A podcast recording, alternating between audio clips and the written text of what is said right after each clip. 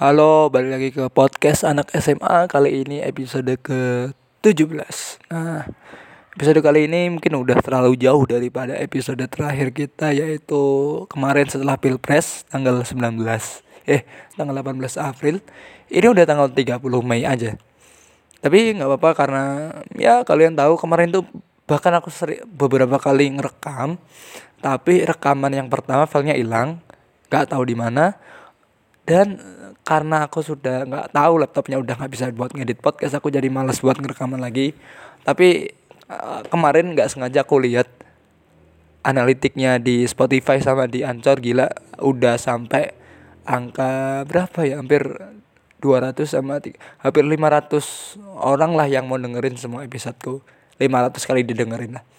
Ya syukur banget udah ada uh, efeknya udah ada yang dengerin tapi aku ngincernya semoga kalian yang dengerin memiliki efek dari podcast ini.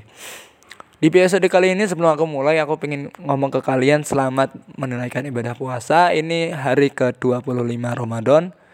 Semoga semakin menuju ke garis finish semakin cepat kita lari, semakin ya semakin apa ya, semakin kita menuju ke Idul Fitri, semakin kita tambah tilawahnya, tambah lain-lainnya.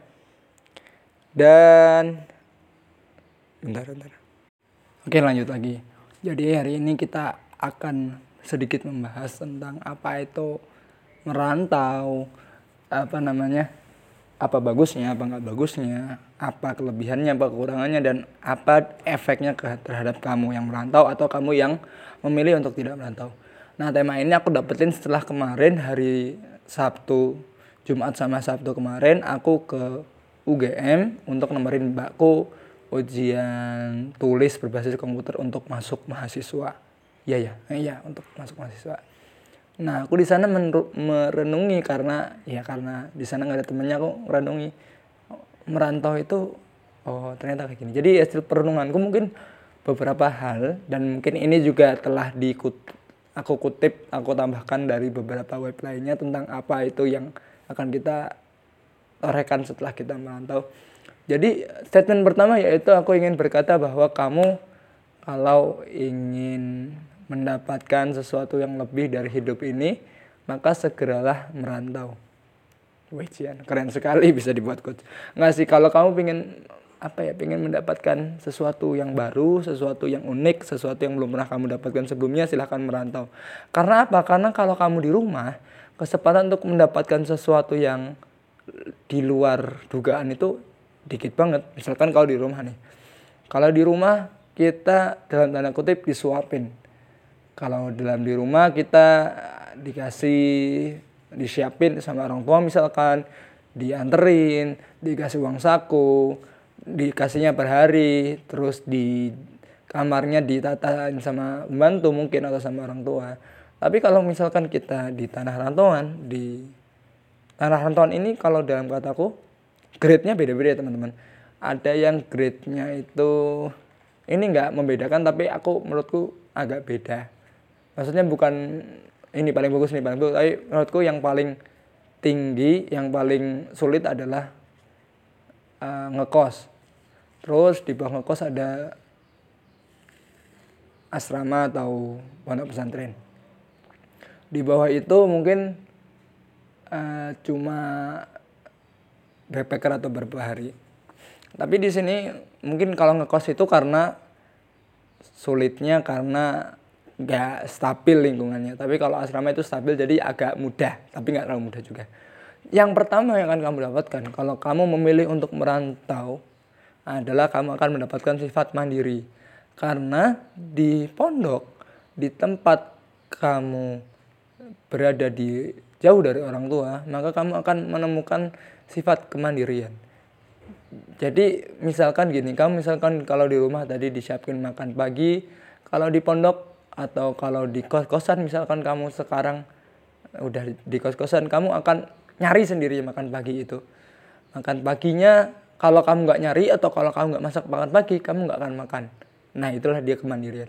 Atau kalau di rumah kamu dicuciin, misalkan punya mesin cuci di rumah, Nah, kalau di sini misalkan uang budget itunya terbatas, kamu nggak akan mendapatkan baju yang wangi yang bersih kalau kamu nggak nyuci sendiri atau kamu nggak ngasih baju kotor itu ke laundry.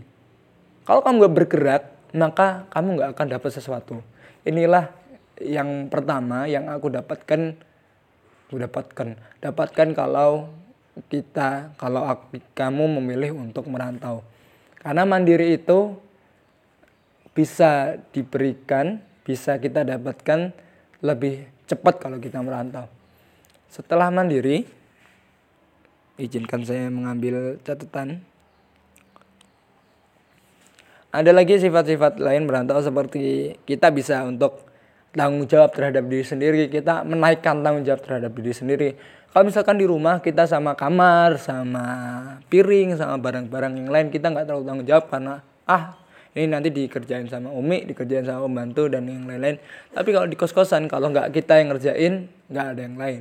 Bahkan kalau di kosan lain atau di pesantren lain kalau kita nggak mengerjakan itu maka itu akan hilang. Misalkan kalau di asramaku dulu ketua pondoknya ketua asramanya kan agak uh, itu soal kebersihan jadi kalau baju-bajunya berantakan dipastikan akan hilang. Maksudnya minimal nggak ada di kamar itu harus kita cari ke bawah ke kamarnya uh, si ustadz.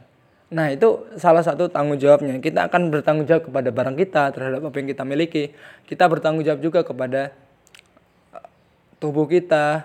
Karena tubuh kita punya hak punya tanggung jawab punya itu maka kita bertanggung jawab men memenuhi hak hak kita kemudian di kos kosan kita punya praktek punya waktu praktek untuk beradaptasi.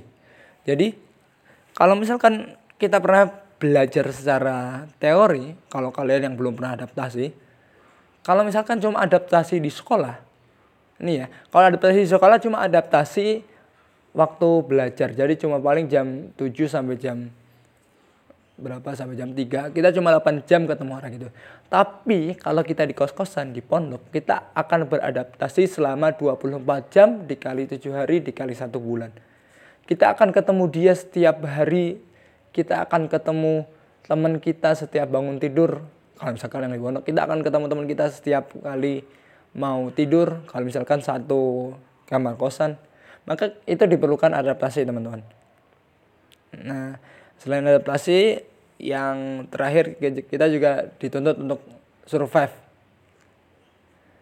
Jadi kalau misalkan kita bermerantau, maka akan ada apa ya? Akan ada waktu-waktu di mana kita hanya bisa untuk survive. Kita nggak bisa mengandalkan orang tua kita, nggak bisa mengandalkan kerabat-kerabat kita yang ada di sana. Misalkan nih, di waktu-waktu yang terbatas. Enggak, survive survive ini maksudnya gini. Misalkan kita duitnya habis pada suatu hari. Duitnya habis pas ada sesuatu yang harus kita uh, bayarkan, sesuatu yang uh, tagihannya masuk. Nah, survive itu misalkan kita survive yang pertama kita untuk menabung itu juga sebuah survive yang bagus atau survive kedua kita berusaha untuk mencari bantuan bisa dalam bentuk utang dalam bentuk apa pun itu juga ada skill komunikasi yang akan kita latih di sana yang uh, atau kita akan melatih untuk lobby. Untuk lobby misalkan lobby uh, mau biasanya beli segini harga segini nanti kita lobby beli segini harga segitu. Nah itu tentang survei. Nah mungkin banyak hal banyak hal yang kita akan dapatkan kalau kita ngerantau. Tapi nggak semuanya harus dirantaukan sih menurutku Orang yang harus melantau adalah orang yang belum punya kemandirian di rumahnya. Kalau dia, kalau kamu misalkan merasa di rumah kamu masih manja, masih eh, belum tanggung jawab kepada dirimu sendiri, coba tantang dirimu untuk merantau. Ya udah eh, kita ambil kuliah atau ambil SMA di pondok biar bisa mandiri. Karena itu bisa jadi untuk merantau. Tapi kalau orang yang sudah di rumahnya sudah mandiri, at least kalau di rumahnya udah punya beban yang banyak, udah punya tanggung jawab yang besar, udah bisa jaga tanggung jawab dan beban itu, maka merantau tidak cukup penting untuk mereka kalau kataku. Nah,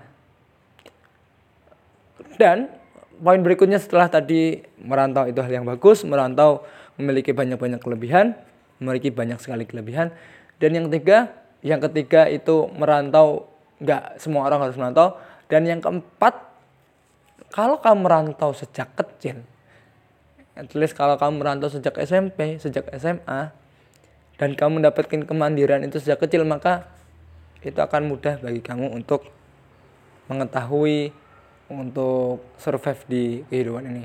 Karena sekali lagi yang aku sering bilang ke teman-teman kalau pas lagi disuruh berbagi, dunia itu kehidupan dunia dan kehidupan di sekolah itu sangat berbeda teman-teman. Kalau dunia itu kita dituntut untuk bekerja, tapi kalau di sekolah kita berbeda. Pokoknya berbeda banget. Itu harus kita pelajari mungkin itu aja tentang merantau teman-teman kalau misalkan kalian suka dengan konten ini kalian dengerin kalian semoga dapat manfaatnya kalian boleh ngasih tahu ke teman kalian oh ini ada podcast bagus tapi kalau kalian mungkin gak suka silahkan mas kasih aku kritik kasih aku masukan Instagram Rukah R U K A K H. Ke email kontak farut at gmail.com atau udah kasih aja masukan sebanyak-banyaknya karena aku butuh masukan kamu. Karena aku nggak mau ngomong sendiri karena aku ingin didengerin dan karena aku ingin menyebar manfaat. Oke teman-teman. Uh, maaf kalau suaranya agak uh, serak-serak gitu. Ini nggak disetting karena ini suaranya emang habis habis ngisi kemarin habis berbagi di beberapa tempat uh, dan terakhir jangan lupa untuk tetap stay produktif di mana pun kamu berada Aku Faruk Rahmat dan dadah.